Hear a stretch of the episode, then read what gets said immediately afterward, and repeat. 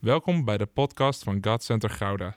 Vanaf deze plek willen we jou inspireren, motiveren en activeren om op een praktische manier je dagelijks leven met God vorm te geven.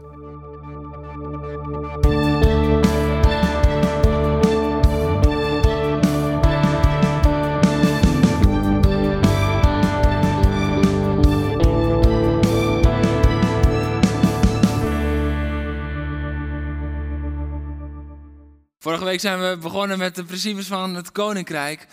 En uh, dat, zijn we gestart na Pasen om en een stukje naar hemelvaart toe te leven. De periode waarin Jezus 40 dagen met de discipelen sprak over het koninkrijk. En we hebben vorig jaar hebben we daar ook een serie over gehad. Maar dit keer willen we echt naar die principes gaan kijken. Vorig jaar ging het meer gewoon over het koninkrijk en alle facetten daarvan. Maar nu willen we kijken naar de principes van zijn koninkrijk. En ik zeg het je alvast voor vandaag. Doe je stoelriem maar alvast vast. Kom maar op het puntje van je bank zitten, want ik geloof dat je in beweging gezet gaat worden. Het is tijd om in beweging te komen, want zijn koninkrijk en hoe dat krachtig gebouwd wordt, dat hangt samen met de bereidheid die wij tonen. Want God heeft er namelijk voor gekozen om zijn koninkrijk te bouwen door mensen. En hij heeft zijn principes aan ons gegeven, waardoor wij dat krachtig op een juiste manier kunnen doen met elkaar. En in welke fase je ook bevindt, van de drie fases die we vandaag gaan behandelen, geroepen, getraind, gezonden. In welke fase je ook bevindt, God wil je activeren vandaag. En God wil je bemoedigen vandaag. En hij wil je misschien wel opnieuw weer in vuur en vlam zetten om te gaan rennen in de fase waarin je zit. En ik wil je meenemen in een, in een verhaal over fases wat ik de afgelopen maanden heb geleerd. En dat is namelijk uh, ik, bevind me nu in de afrondende fase van het uitgeven van mijn eerste boek. Het gaat heten Dit is Jezus. En voor de oplettende kijkers afgelopen jaar, die, denken van, hé, hey, dit heb ik al eerder gehoord. Dat klopt, dat is een serie die ik vorig jaar heb gegeven richting Pasen over de zeven ik bens en de zeven wonderen van Jezus in het Johannes-evangelie. En hoe die aan elkaar te koppelen zijn. En ik weet nog dat we, we hadden dat gehad en het was ergens eind mei geloof ik, dat ik in een tijd van gebed was en dat ik zo ervoer dat God zei, Jeroen, ga er een boek over schrijven. En als het ware voelde ik daar het moment van een roeping. Ik werd daar geroepen om, om dat boek te gaan schrijven. En naar aanleiding van dat God dat zei tegen me, ben ik gaan schrijven. En ik gaf gehoor aan die roeping als het ware. En ik ben gaan schrijven en in de zomer en in oktober op een gegeven moment was het helemaal klaar. En dan komt de volgende fase. Want dan denk je, oké, ik heb gehoor gegeven aan die roeping en ik heb gedaan wat u me vroeg, maar wat komt er dan nu? En de volgende fase, als we het hebben over geroepen, getraind, gezonden, de volgende fase was als het ware getraind worden. En ik moest een uitgever gaan zoeken en ik kwam bij een hele fijne uitgever terecht. En, en daar gaan ze je helpen met van alles. Dus dan zeggen ze niet van, oh wat heb je dat geweldig gedaan. Weet je wat, we gaan het drukken en we gaan het de wereld ingooien. Nee, dan zeggen ze, wat heb je dat geweldig gedaan. En dat gaan we nog iets geweldiger maken. Want er zitten hier en daar nog wat spelfoutjes in en zo, dat soort dingen. Ja, dat is wat er nodig is. Het gaat door de redactie, het gaat door correctie. En dan gaat er een vormgever, gaat kijken hoe kunnen we dit het mooiste vormgeven. Eerst de cover en daarna het binnenwerk. En zo zorgen ze stap voor stap dat jij er klaar voor bent om dat boek ook echt uit te geven. Het is als het ware een seizoen van training. En de dingen die ik zelf niet kon bedenken, die bedenken zij voor mij, want daar hebben zij ervaring in. En ze zorgen dat dat boek kwalitatief beter en beter wordt. Ze helpen je met de laatste veranderingen en ze bereiden je voor om die boodschap dan het land in te brengen. En daarna komt, en daar ben ik nu nog niet, want dat is een fase waar ik straks in ga komen als die eind augustus, begin september uit gaat komen. Dan komt de fase van gezonden. Dan is het gedrukt en dan is het klaar en dan is het klaar om gezonden te worden het land in. En dan is hij gedrukt en dan kan er niks meer aan veranderd. En dan wordt het in één keer gereleased. En het leuke is, voor de buitenwereld is dat er dan opeens. Die denkt, oh, er is een nieuw boek, wat leuk. Maar daarvoor is het, het is er niet opeens. Het is er al heel erg lang en het is in verschillende fases. En zo is het ook dat de kerk er niet opeens was. Weet je, als we gaan kijken met Pinksteren, was de geboorte van de kerk. En vaak denken we van, wow, bam, dat was de kerk. De kerk werd geboren, maar het is niet dat in één keer daar de kerk was. Die kerk die werd al in de verschillende fases geroepen, getraind, gezonden, voorbereid. Want Jezus was de kerk al aan het voorbereiden in de drie jaar van bediening die hij hier op aarde doorbracht. Toen hij in de discipelen aan het investeren was om ze klaar te maken, hij riep ze, hij trainde ze om ze te zenden en toen werd de kerk in één keer geboren. Dus wat er voor het moment van openbaring worden plaatsvindt, dat bepaalt uiteindelijk de kracht als het eenmaal openbaar geworden is. Dus alles wat er voor het moment van zenden gebeurt, bepaalt de kracht op het moment dat het gezonden wordt. Ik moest denken, heel vaak zeggen we, oh de baby is er. De baby is er. Als, als, als een kindje geboren is. Ik kan me voorstellen dat de moeder denkt, nou, ik heb wel negen maanden behoorlijk door dat het er is hoor. Er zitten fases voor het moment dat de baby geboren wordt. En wij zeggen met z'n allen, want wij zijn de buitenwereld, het is er. Maar het was er al die tijd al. Maar het had fases nodig in groei en ontwikkeling om uiteindelijk op het juiste moment gezond geboren te kunnen worden. En dat is ook, daarin zie je ook hoe belangrijk het is dat je bepaalde fases al doorloopt voordat je geboren wordt, voordat het uiterlijk wordt, voordat je gezonden wordt. Want een baby is op zijn sterkst als die gewoon 40 dagen in de. Uh, 40 dagen, nee. 40 weken in de buik heeft gezeten en zich volledig heeft kunnen ontwikkelen, zodat het sterk is op het moment dat het geboren wordt. En zo hebben wij ook drie fases nodig, geroepen, getraind en gezonden in de juiste volgorde en ook in de juiste verhouding om krachtig te zijn op het moment dat we gezonden worden. Want als wij niet goed getraind zijn op het moment dat we gezonden worden, dan eindigt dat in pijn en verdriet en teleurstelling. De principes van Gods koninkrijk werken precies hetzelfde. En die bepalen de volgorde waarin, waarin dingen gebeuren om te bewaken de kwaliteit van wat gezonden wordt. En als mensen zijn we vaak een beetje ongeduldig en willen we heel erg snel. Maar de principes van Gods koninkrijk gaan daar voorbij. Omdat God weet wat we nodig hebben en God weet wanneer we ergens klaar voor zijn. Daarom wil ik lezen vandaag uit Marcus 3, Marcus 3, vers 13 tot en met 19. En je mag hem opzoeken in je Bijbel. En als je hem hebt, dan mag je gaan staan. Als je geen Bijbel bij hebt, mag je ook gaan staan. En als je op de bank zit thuis, mag je ook gaan staan. Marcus 3, vers 13. Hij ging de berg op en riep al degenen die hij, op wie hij zijn keus had laten vallen en ze kwamen naar hem toe. Hij stelde twaalf van hen aan als apostel en ze moesten hem vergezellen. En hij wilde ze ook uitzenden om het goede nieuws bekend te maken. Hierin zit eigenlijk alles. Hè? Hij riep ze bij zich. Ze moesten hem vergezellen. Ze moesten bij hem blijven, getraind worden. En hij wilde ze ook uitzenden. Geroepen, getraind, gezonden. Ze kregen de macht om demonen uit te drijven. De twaalf die hij aanstelde waren achtereenvolgens Simon, die hij de naam Petrus gaf, Jacobus, de zoon van Zebedeus, Johannes, de broer van Jacobus, Andreas, Philippus, Bartholomeus, Matthäus, Thomas, Jacobus, de zoon van Alpheus, Thaddeus, Simon Cananeus en Judas Iscariot, die hem, zou, uh, die hem heeft uitgeleverd.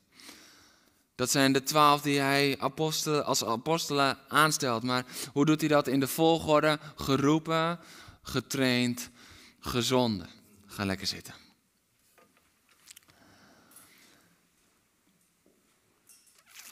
We hadden het vorige week, hadden we het in de boodschap over balans, hadden we het al even over die volgorde van God. En dat waar we zijn volgorde volgen, volgt de orde van God. En dat dat goed is voor in ons leven. En dat is eigenlijk in dit, dit principe van het koninkrijk ook weer. Weet je, God wil zijn koninkrijk bouwen. Hij heeft ervoor gekozen om dat door mensen heen te doen. En dat is prachtig, want daardoor mogen we samenwerken met God. We moeten niet rennen voor God, we mogen wandelen met God. We mogen samenwerken met Hem in plaats van werken voor Hem. Want anders wordt het weer eigen verdiensten. Maar Hij verlangt naar samenwerking. Hij is een God van relatie. En hij wil dan dat koninkrijk bouwen en dat doet hij dan volgens deze principes, omdat hij weet dat is gezond voor de ander, naar wie hij gaat uitreiken, en dat is gezond voor jou. Het is mooi hè, hoe God kijkt naar alle facetten en alles serieus neemt. Hij neemt niet alleen de wereld die bereikt moet worden serieus, nee, hij neemt ook zijn kinderen die zijn volgelingen zijn geworden serieus. Hij neemt jou ook heel serieus daarin. En het eerste wat er dan gebeurt is, ze worden geroepen. Het eerste wat er gebeurt is, jij wordt geroepen. Hij ging de berg op en riep al degenen bij zich, op wie hij zijn keuze had laten vallen. En wat belangrijk is om te beseffen over die roeping, is dat dat in het evangelie eigenlijk twee momenten van roeping zijn. En de eerste moment van roeping is dat je geroepen wordt bij naam. En dat is als het ware de kennismaking met Jezus. Dat is het moment dat je je hart aan Hem hebt gegeven. En dat is de vreugdevolle kennismaking, zoals we het ook wel noemen. En dat heeft een veranderde identiteit tot gevolg. Dus de eerste roeping die je meemaakt, dat heeft een veranderde identiteit tot gevolg. Dat gebeurt van binnen wat. Jij wordt nieuw. Zoals het woord zegt in 2 Korinthe 5, je bent helemaal nieuw geworden. Dat is een veranderde identiteit. En dat zien we ook gebeuren op het moment dat Jezus Petrus tegenkomt. Die heet dan nog Simon. En hij komt hem tegen en hij zegt tegen Petrus, want Petrus wordt bij hem gebracht en hij zegt, Simon, zo zal je niet langer heten, vanaf nu heet jij Petrus. En dat is de eerste kennismaking van Petrus met Jezus. Een identiteitsverandering, een naamsverandering. Niet langer zal je Simon zijn, maar je zal zijn wie ik jou noem. Petrus. En dat is wat er gebeurt als we Jezus leren kennen. Dat is de eerste roeping. En de tweede roeping is een roeping om Hem te volgen. Dus door die eerste roeping word je een kind van God. En die tweede is eigenlijk met als doel om een discipel van Hem te worden. En dan is het niet een veranderde identiteit, maar een veranderde verantwoordelijkheid wat je krijgt. En dat zien we gebeuren in Lucas 5, als Petrus heeft de hele nacht gevist, heeft niks gevangen. En wat we dan zien is dat Jezus komt zitten in zijn boot en onderwijst de menigte, de, de, de mensen. En hij onderwijst en hij onderwijst en Petrus die vindt het geweldig, want hij zit in zijn boot. Het is mijn boot en Jezus zit bij mij. En dat is mooi, Totdat Jezus op een gegeven moment klaar is met de les. Hij zegt: Oké, Petrus, het is goed om nu het water op te gaan, naar diep water te varen en je netten uit te gooien. En Petrus denkt: Wat gebeurt me nou? Wat gebeurt me nou? Dit is niet de afspraak, dit is niet handig, dit is niet goed voor mijn reputatie. Ze hadden de hele nacht hadden ze niks gevangen, zegt het woord. En het is algemeen bekend voor vissers dat op het moment dat je s'nachts niks vangt, s'nachts vang je beter dan overdag. En als je dan overdag gaat vissen, dan doe je dat niet op diep water, maar op laag water. Want dan heb je nog enigszins kans om wat te vangen. En wat zegt Jezus dan? Ga overdag naar diep water en gooi je netten uit. Daar moet, Jezus, daar moet Peter zijn hele reputatie te grabbel gooien. En hij zegt het ook, hè, van ja, we hebben de hele nacht niks gevangen. Maar als u het zegt. Maar als u het zegt. Man, als we dat in Nederland wat vaker zouden zeggen, dan zou Nederland op zijn kop staan voor Jezus. Als we dat vaker met elkaar zouden zeggen, maar als u het zegt. Ik vind het helemaal niks, maar als u het zegt. Het is een beetje buiten mijn comfortzone, maar als u het zegt. Ik, ik voel me daar niet helemaal gemakkelijk bij misschien, maar als u het zegt. Ik voel me daar te min van, want ik denk dat anderen dat beter kunnen. Maar als u het zegt. Als we iets vaker zouden zeggen, maar als u het zegt. Op het moment dat God spreekt. Dan geloof ik dat er doorbraken komen in Nederland. En het is tijd om dat te zeggen. Maar als u het zegt. Weet je, met die maar, daar ontkracht je alles wat je daarvoor over jezelf hebt gedacht. Weet je hoe vaak we dat niet nodig hebben? Ja, ja, ach, ik denk dat ik maar een beetje rustig aan moet doen. Want mensen verwachten van me dat ik, dat ik een beetje rustig ben en, en anders doe ik te druk. Of, maar als u het zegt, mag ik uit mijn dak gaan. Oh. En, en in de aanbidding, ja, ik dans het liefste. Maar ja, ik weet dat sommige mensen daar misschien aanstoot aan kunnen nemen. Maar als u het zegt, misschien moet ik dan gaan dansen. Omdat het feit dat andere mensen daar soms aanstoot aan nemen niet zozeer ligt in wat ik doe, maar in wat zij kiezen om toe te laten. Maar als u het zegt, ben ik bereid om te gaan. Ja, ik, ik heb mijn zekerheden ingebouwd en eigenlijk vind ik het wel fijn zo, want ach, ik heb mijn baan en, en we, we gaan af en toe naar de kerk en, en we, we, dienen ook nog wat. En ja, heer, u, u, u, vraagt nu om dingen op te geven en er volledig voor te gaan. Ja, dat, ik vind die zekerheden wel lekker, maar, maar, maar als u het zegt, is het tijd voor verandering. Maar als u het zegt, de woorden van Petrus. En wat we dan zien is dat hij een veranderde verantwoordelijkheid krijgt. Het is niet langer dat hij vissen moet vangen, maar vanaf dat moment zal hij visser van mensen zijn. Dus hij krijgt een nieuwe verantwoordelijkheid. Petrus, je hoeft niet meer de zee op, je hoeft niet meer het water op, maar ik maak jou visser van mensen. Jij bent geroepen. Allereerst als kind van God. Je bent geliefd, gewild, geheiligd, je bent geweldig. En daarna komt ook nog die tweede roeping. En dat is: volg jij mij? Dat je Jezus aannam als redder van jouw leven, heeft je niets gekost. Het kostte hem zijn leven. Het volgen van Jezus als meester in je leven kost je alles, want daarmee geef je hem jouw leven. Zijn we bereid om in te gaan op die roep van Jezus? Zijn we bereid om te zeggen, net als Petrus, ik laat alles achter. Ze lieten alles achter zich en ze gingen achter Jezus aan. Ben je bereid om daar te gaan? Want God roept zijn kinderen vandaag op om ook zijn volgelingen te worden. Weet je, het is, het is niet de bedoeling voor jou om alleen in je kindschap te blijven hangen de rest van je leven. Het is bedoel, de bedoeling om kind van God te worden en daarnaast ook discipel van Hem te zijn. Daarnaast ook zijn volgeling te zijn. En dat neemt niet weg dat je nog steeds zijn kind bent en dat dat het fundament is, want je kan zijn liefde niet verdienen, maar Hij wil je wel gebruiken om anderen te bereiken, om zijn koninkrijk te bouwen en om eruit te krijgen wat hij in jou heeft gelegd, wat jou dan uiteindelijk ook weer het gelukkigste maakt. Want je wordt niet gelukkiger dan dat je wandelt in je bestemming die de maker in jou heeft gelegd. Dat is hoe het werkt. Volg jij mij? Jij bent geroepen, maar wat is je antwoord? Mag hij naast dat hij jouw redder is ook jouw meester zijn? En mag hij je dan vormen en kneden en trainen. Want dat is wat we zien. Petrus laat alles achter om Jezus te volgen en dan begint als het ware die fase van training. En is het je wel eens opgevallen dat Jezus dan niet kiest voor grote massaconferenties waarin hij de massa traint en dan is het klaar en dan, oké, jullie zijn er nu klaar voor. Maar dat hij met twaalf het meest intiem oploopt.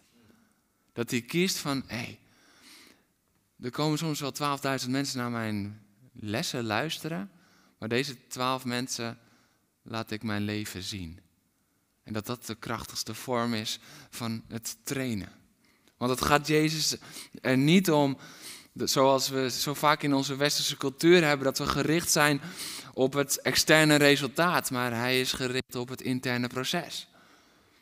Hij wil niet dat zijn discipelen alleen maar doen wat hij kan doen. Nee, hij wil dat zijn discipelen gaan leren denken zoals hij denkt.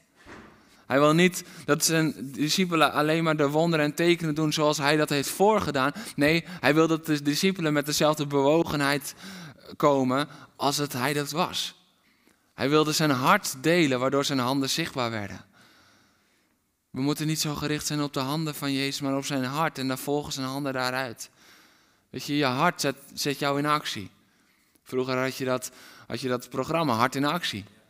Dat is een perfecte titel als je er zo over nadenkt. Want ze deden allemaal dingen daar. Dus het zijn toch vooral handen in actie? Nee, het hart kwam in actie. En waar het hart in actie komt, volgen de handen altijd. Weet je, het lichaam van Christus, dat kan niet buiten functie blijven als het hart klopt zoals het hart van Christus klopt. Als we dat hart toelaten, dan komen we altijd in beweging. Weet je, er zit een groot, groot verschil in ergens even van, van balen of bewogenheid. Weet je, zo, zo vaak hebben we. Je, dan zie je zo'n reclame. Ken je dat moment? Zie je zo'n reclame van zo'n hartverscheurend beeld van misschien een oorlog of een kind in armoede? En dan kunnen er twee dingen in je gebeuren. Je kan ervan balen dat het nog steeds gebeurt in de wereld. Dan komt je hart niet in actie. Of je wordt met bewogenheid getriggerd en dan komt je hart in actie. Maar als je hart in actie komt, komt altijd ook je handen in actie. Want dan wil je wat doen. Want dan ben je erdoor geraakt en dan ben je met bewogenheid geraakt. Zoals Jezus ook met bewogenheid wandelde. Wij zijn zo vaak gericht op dat externe, maar hij wil van binnenuit werken, omdat hij weet dat dat van buitenuit zijn uitwerking gaat hebben. En hij heeft daar de tijd voor.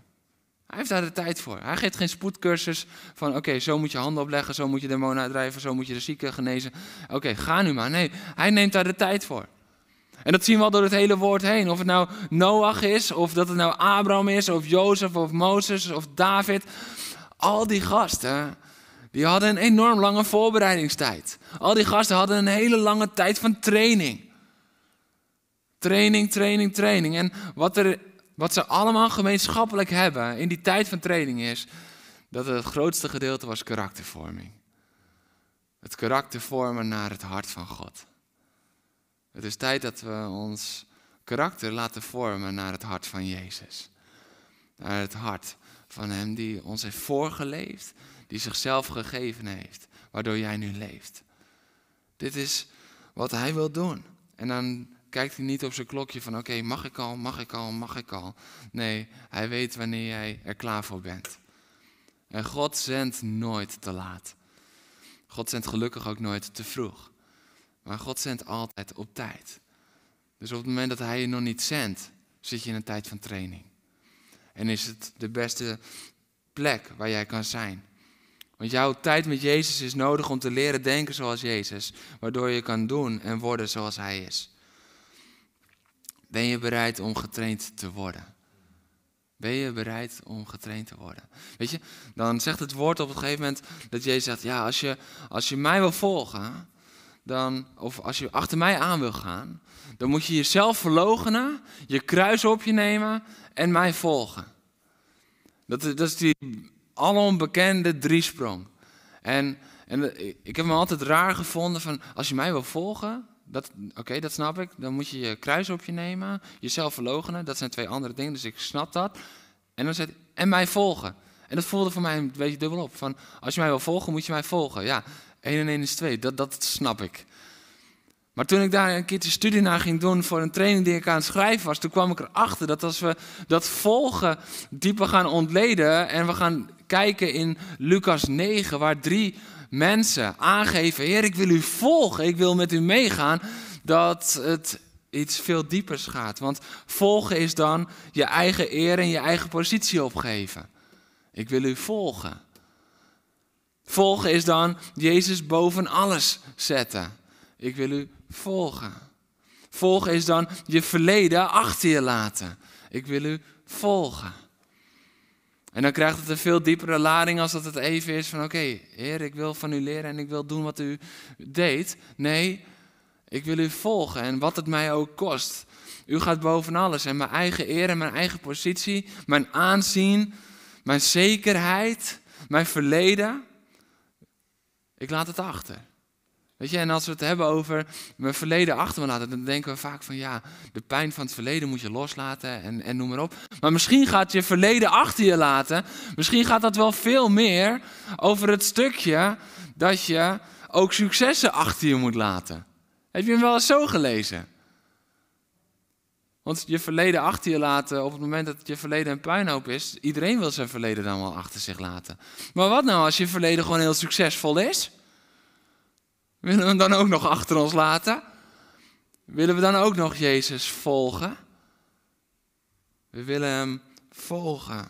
De tijd van training is de fase waarin je over het algemeen de meeste pijn leidt. Als je aan het trainen bent voor, eh, op sportief vlak, dan is vaak de training de fase waarin je het meeste pijn leidt, omdat je grenzen verlegd worden. En tegelijkertijd is het dus ook de periode waarin je ontwikkeling het hardste groeit. Je ontwikkelt, je groeit, je bloeit, zodat je klaar bent voor de plek waar God je gaat stellen.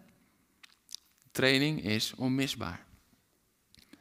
En die training die moet dicht bij Jezus zijn. Dat is in relatie.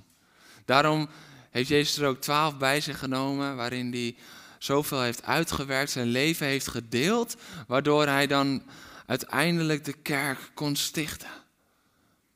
Want uiteindelijk is de wereldwijde kerk een gevolg van die twaalf geworden. En dat is als een, ja, een olievlek, is, doe je eigenlijk tekort. Als, als een bom ontploft daarna en, en heeft de hele wereld veroverd met het goede nieuws, met het evangelie van God. Maar je moet dicht bij hem zijn. En als je dat thuis wil nalezen, dat is interessant. In, in Matthäus 13, vanaf vers 36, dan zie je dat Jezus heeft een gelijkenis gesproken. En dan stuurt hij de menigte op het gegeven moment weg. En dan hebben de, discipelen hebben de tijd om aan te vragen. U heeft dit gezegd, maar hoe bedoelt u dat dan? En, en kunt u dat ons uitleggen, want we snappen het nog niet. En dat vind ik zo mooi. Dat is, dat is getraind worden. Weet je wel, niet alleen de woorden horen van veraf. Niet alleen, oké, u heeft dat gezegd. Maar, maar ook met je vragen kunnen komen. En in die intimiteit kunnen zijn. Want het ware doel van discipelschap en training is niet dat je alleen ziet wat hij doet. Maar dat je ziet wie hij is. Dat is wat hij verlangt. Dus Heer, u heeft dat gezegd, maar wat bedoelt u daarmee? En waarom zegt u dat? Want ik wil uw hart zo graag leren kennen. Heer, u spreekt soms in raadselen voor anderen, maar wilt u het mij uitleggen? En wat de discipelen deden was niet alleen leren van de meester, maar was leven met de meester. Leven met Jezus. Dat is het ware discipelschap. Het is niet alleen het leren over Jezus, maar het leven met Jezus. En toen ze klaar waren om gezonder te worden, misschien niet in onze ogen trouwens, Petrus leek niet het prototype, ik ben er klaar voor nadat hij Jezus net drie keer had verlogend. En had gezegd, ik ken die man niet. Ik ken hem niet. Hij begon te vloeken, hij begon te schelden, hij begon, ik ken hem niet. En daarna denkt Jezus, nou, ik denk dat het tijd is om de kerk te stichten, mede door jou. Jezus bepaalt wel wanneer iemand gezonden wordt. Dat is een belangrijke les. Menselijk gezien zullen we zo vaak denken, maar diegene is er nog niet klaar voor. Maar beter gaan we luisteren naar Jezus. En menselijk gezien gaan we bij sommigen denken, die is er klaar voor. En dan zegt God, nee, nee, nee, nee, nee. Mozes was er 40 jaar eerder een stuk meer klaar voor in menselijke, vanuit menselijk oogpunt. Hij had alle, alle hoogste opleidingen had hij gevolgd aan het hof in Egypte, aan het hof van de farao. En, en dat is het moment dat je als leider krachtig je vol kan voorgaan. Maar God zegt, nou, we gaan eerst nog even 40 jaar in de woestijn. Menselijk gezien was hij er klaar voor, maar vanuit Gods oogpunt niet. God weet beter wanneer hij iemand moet zenden dan wij. Dus laten we hem daarin vertrouwen. En niet op menselijk oogpunt, vanuit menselijk oogpunt kijken. En dan komt dat moment van zending. En dat is waar wij vaak heel enthousiast van worden. Want gezonden worden is natuurlijk leuker als getraind worden. Een wedstrijd is leuker als een training. Vraag het een random voetballer en die zegt van ja, ik leef voor de eh, wedstrijden, niet voor de trainingen. Ja, die trainingen zijn nodig voor de wedstrijd, maar het gaat om de wedstrijd.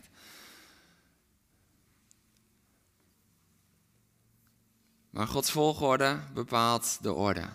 En daarom is ook die training zo onmisbaar en belangrijk. En als die training dan achter ons ligt, en natuurlijk dat gaat altijd door, ook als je gezonder wordt, dan blijft die je doortrainen. Maar dan word je gezonden en dat, dat is vanuit het Griekse woord apostello. En dat is als een ambassadeur gezonden door de koning. Dus jij en ik worden dan als een ambassadeur door de koning gezonden. Zoals de Vader mij gezonden heeft, zo zend ik ook jullie, zei Jezus. Als een ambassadeur van God. En dan mag je de koning, dan mag je God vertegenwoordigen. En een ambassadeur die wordt uitgezonden naar een ander land over de grens van het koninkrijk om daar het koninkrijk te vertegenwoordigen. En dat is wat we ook zo vaak voelen. Dat is waar we ook vaak tegenaan lopen, want dan vinden we het spannend worden van ja, ik zit hier wel echt met beide benen in de wereld en dan moet ik het koninkrijk van God vertegenwoordigen. Maar dat is nu juist waar we voor gemaakt zijn, waar we voor getraind zijn en waartoe we gezonden zijn om zijn ambassadeur te zijn. En daarvoor moeten we de koning kunnen vertegenwoordigen. En daarom zegt Jezus ook: ja, je moet niet alleen doen zoals ik, maar je moet ook denken zoals ik. Want ik geef je autoriteit, ook om dan belangrijke woorden te spreken of keuzes te maken. Want een ambassadeur, die hoeft niet met elke toespraak die hij houdt, eerst de koning te bellen. Oké, eh, ik heb dit en dit opgeschreven, hoe vindt u dat? Nee, die is zo geleerd om, om te denken zoals de, de koning, dat hij uiteindelijk die verantwoordelijkheid krijgt, dat mandaat krijgt, die autoriteit krijgt. En dat is wat God ook doet. Wij hoeven God niet te vragen als we denken te moeten bidden voor iemand. Heer, heeft u het nu in uw plan om voor diegene te bidden?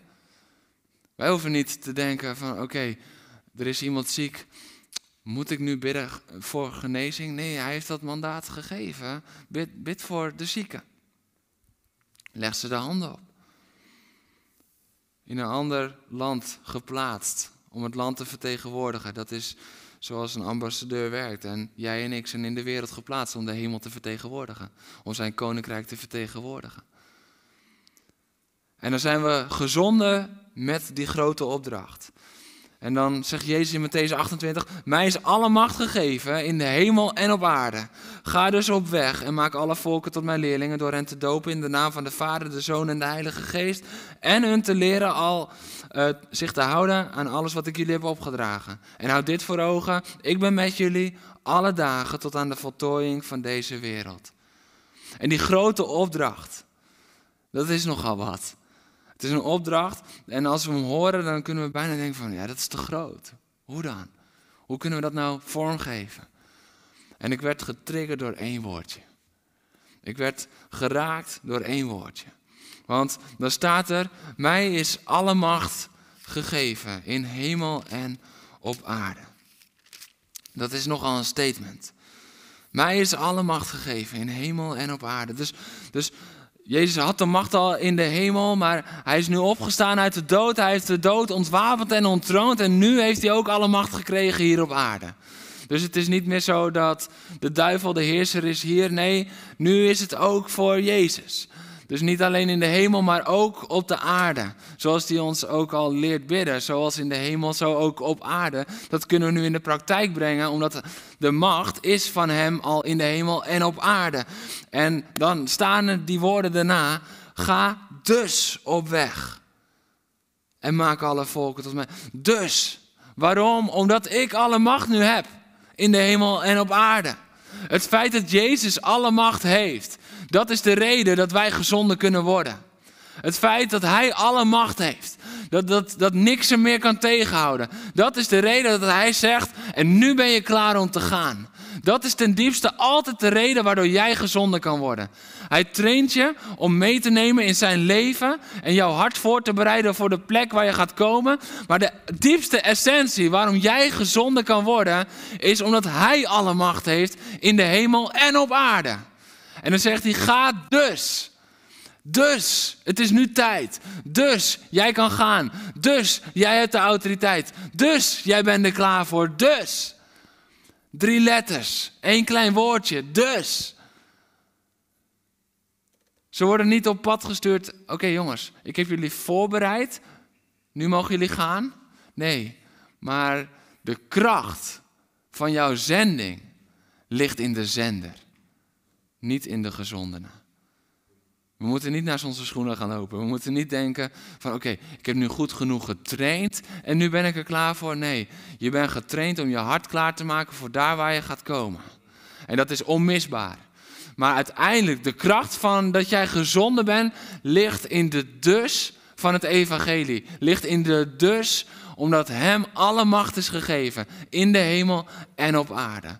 Alles wat wij hier mogen doen namens Hem is omdat Hij alle macht heeft.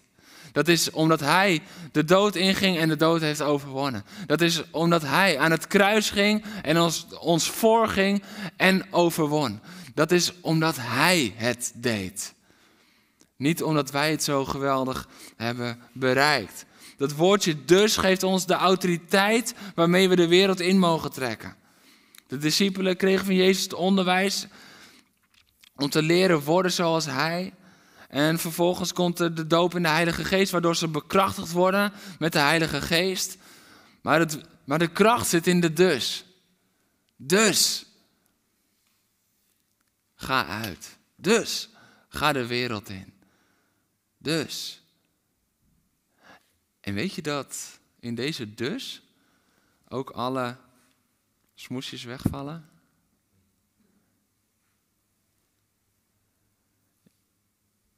Ja, maar ik ben niet zo'n goede prater.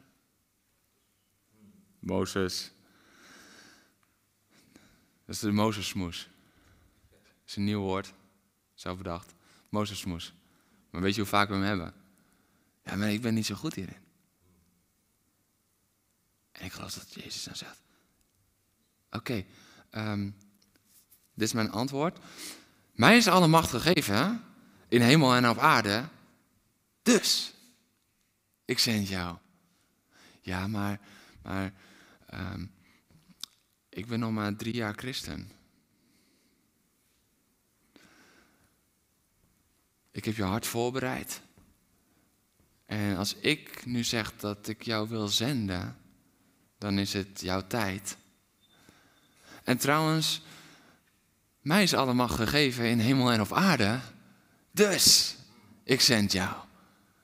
Weet je dat elke smoes onderuit gaat? Elke onzekerheid onderuit wordt gehaald door drie lettertjes? Door één krachtig woord? Mooi hè? Wij zijn vaak helemaal onder de indruk van, van ja, de, grote, de grote opdracht en dan we moeten de wereld in. Ja, maar laten we kijken naar dat woordje dus.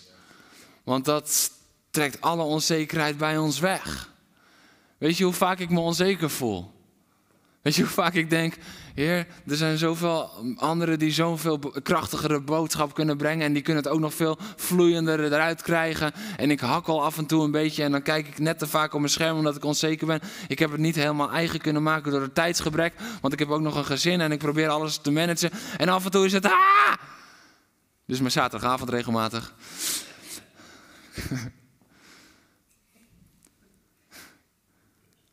Dus. ja, ja, ja, ja, die voel je aankomen. Dus. Maar weet je hoe vaak God dan eigenlijk gewoon met een dus momentje komt? Want hij zegt, Jeroen, als je hebt toegewijd aan mij, dan zit het niet in de kracht van wat jij allemaal probeert te verdienen. Maar dan zit het gewoon in het hele simpele feit dat mij is alle macht gegeven in hemel en op aarde. Dus.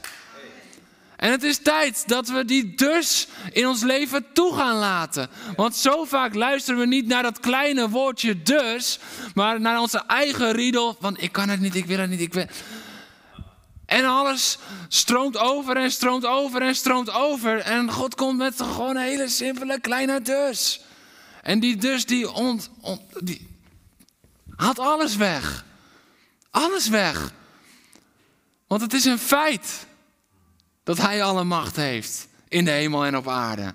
Het is geen vraag, het is geen hoop, het is een feit. Het is geen toekomstmuziek, het is een realiteit. En het is, het is tijd dat we in de realiteit van de feiten gaan lopen. In plaats van wat wij denken, wat er allemaal zou kunnen gebeuren als we uitstappen en we zijn niet goed genoeg of we zijn er niet klaar voor. En hij komt weer met dat woordje dus. Het is tijd om te gaan. Want als God jou zendt in een dus, dan ben jij overal klaar voor. Dan ben jij er klaar voor. Dan is er niks meer wat Gods kracht kan tegenhouden. Jij bent er klaar voor. Je bent geroepen. Jij bent geroepen. En de vraag is, heb je geantwoord? Je wordt getraind en de vraag is, wil je worden gevormd? Je wordt gezonden. En de vraag is, ben je bereid om te gaan? Geroepen, getraind, gezonden. Het, zijn zo, ligt zo lekker in de mond, hè? drie G's. Maar misschien gaat het wel over die andere drie G's. Heb je geantwoord? Wil je worden gevormd? Ben je bereid om te gaan? Misschien gaat het vandaag wel om die 3G. Want die andere 3G's die staan vast die staan vast. Maar ik heb ontdekt dat het antwoord dat we geven in elke fase bepaalt of we de sleutel hebben naar de volgende fase. En dat zegt niks over dat je als kind van God goed genoeg bent of niet. Nee, dat zegt iets over of je klaar bent voor de volgende fase. Want op het moment dat jij geen antwoord geeft op je roeping, ben je nog niet klaar om getraind te worden. En op het moment dat jij niet bereid bent om getraind te worden, gevormd te worden, gekneed te worden, dan ben je nog niet klaar om gezonder te worden. Want Jezus wil jou zenden zoals de Vader mij gezonden heeft. Niet om te doen wat ik deed. Nee, zoals de Vader mij gezonden heeft. Met hetzelfde hart, met hetzelfde verlangen, met dezelfde toewijding. Met dezelfde nederigheid en dienstbaarheid. Dat is wat Hij uitwerkt in jou en in mijn leven. En dat is de, waar het om draait. Dat is de vraag die eigenlijk gesteld wordt. Het is een feit dat Hem alle macht is gegeven. Het is een feit dat Hij je geroepen heeft. Het is een feit dat Hij je wil trainen en dat Hij je wil zenden. Maar het antwoord ligt bij jou. En misschien gaat het daar wel over vandaag. Wat is jouw antwoord in de fase waarin je zit? Wat is jouw antwoord als Hij jou roept? Heb je geantwoord? Wil je worden gevormd? Wil je gaan? Wat het je ook kost. Ik wil vragen of de worship naar voren wil komen. Want dit is de vraag die relevant is voor jou en voor mij.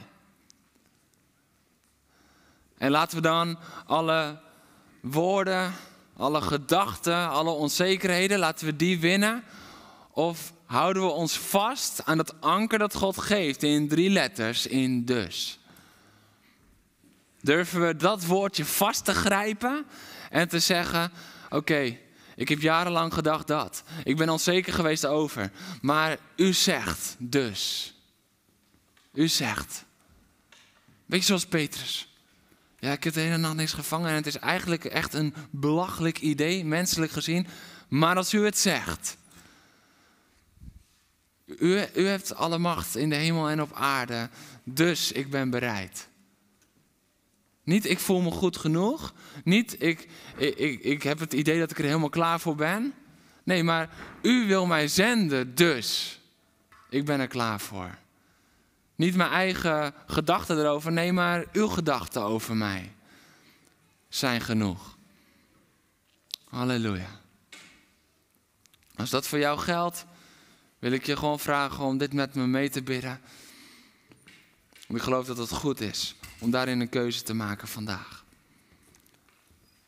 Want Heer Jezus, we zijn onder de indruk van wie u bent. Heer, en we beseffen ons dat we door u geroepen, getraind en gezonden worden. Heer, dat dat uw hart is, Heer, en dat, dat is hoe u het heeft voorgeleefd. Heer, en we willen staan in, in die zekerheid. Heer, in, in die dus. Heer, waar we onzeker zijn over onze toegevoegde waarde, waar we onzeker zijn over wat we kunnen. Heer, dan komt u altijd met dat dus moment. Heer, want dan wijst u niet op wat wij allemaal zo goed doen. Want als het gaat om ons, dan zien we ergens ook wel weer tekortkomingen. Maar dan wijst u naar wat u heeft gedaan. Heer, dan komt alles samen in het antwoord dat u geeft. Heer, en dat is dat u uzelf gegeven heeft. Heer, en dan valt alles weg elke onzekerheid, elke angst. Of misschien juist wel elke zekerheid die we zo graag willen vasthouden. Dan vallen ze weg, omdat alles verbleekt bij uw almacht. Bij uw grootheid. Heer, en dan beseffen dat het tijd is om, als u ons heeft geroepen, te antwoorden. Heer, hebben we geantwoord. Zijn we bereid om gevormd te worden? Zijn we bereid om te gaan? Heer, en ik bid vandaag voor een ieder die die keuze wil maken om, om te antwoorden, om gevormd te worden, om te gaan. Heer, dat uw kracht daar zal zijn, uw bevestiging daar zal zijn. Heer, en dat het niet alleen een moment zal zijn waarop we even denken van ja, dat is wat ik wil, maar dat het een begin zal zijn van een wandeling waarin we gaan wandelen met u. Dat het een begin zal zijn van toewijding aan u. Dat het begin zal zijn van, van dat we beseffen dat we geroepen zijn of dat, we, dat het het begin zal zijn van training of misschien wel is dit het moment dat we gezonden moeten worden door u. En dat we zelf denken dat we er nog niet klaar voor zijn, maar u zegt vanochtend, jij bent er wel klaar voor. Weet je waarom? Mij is alle macht gegeven, in de hemel en op aarde. Dus, amen.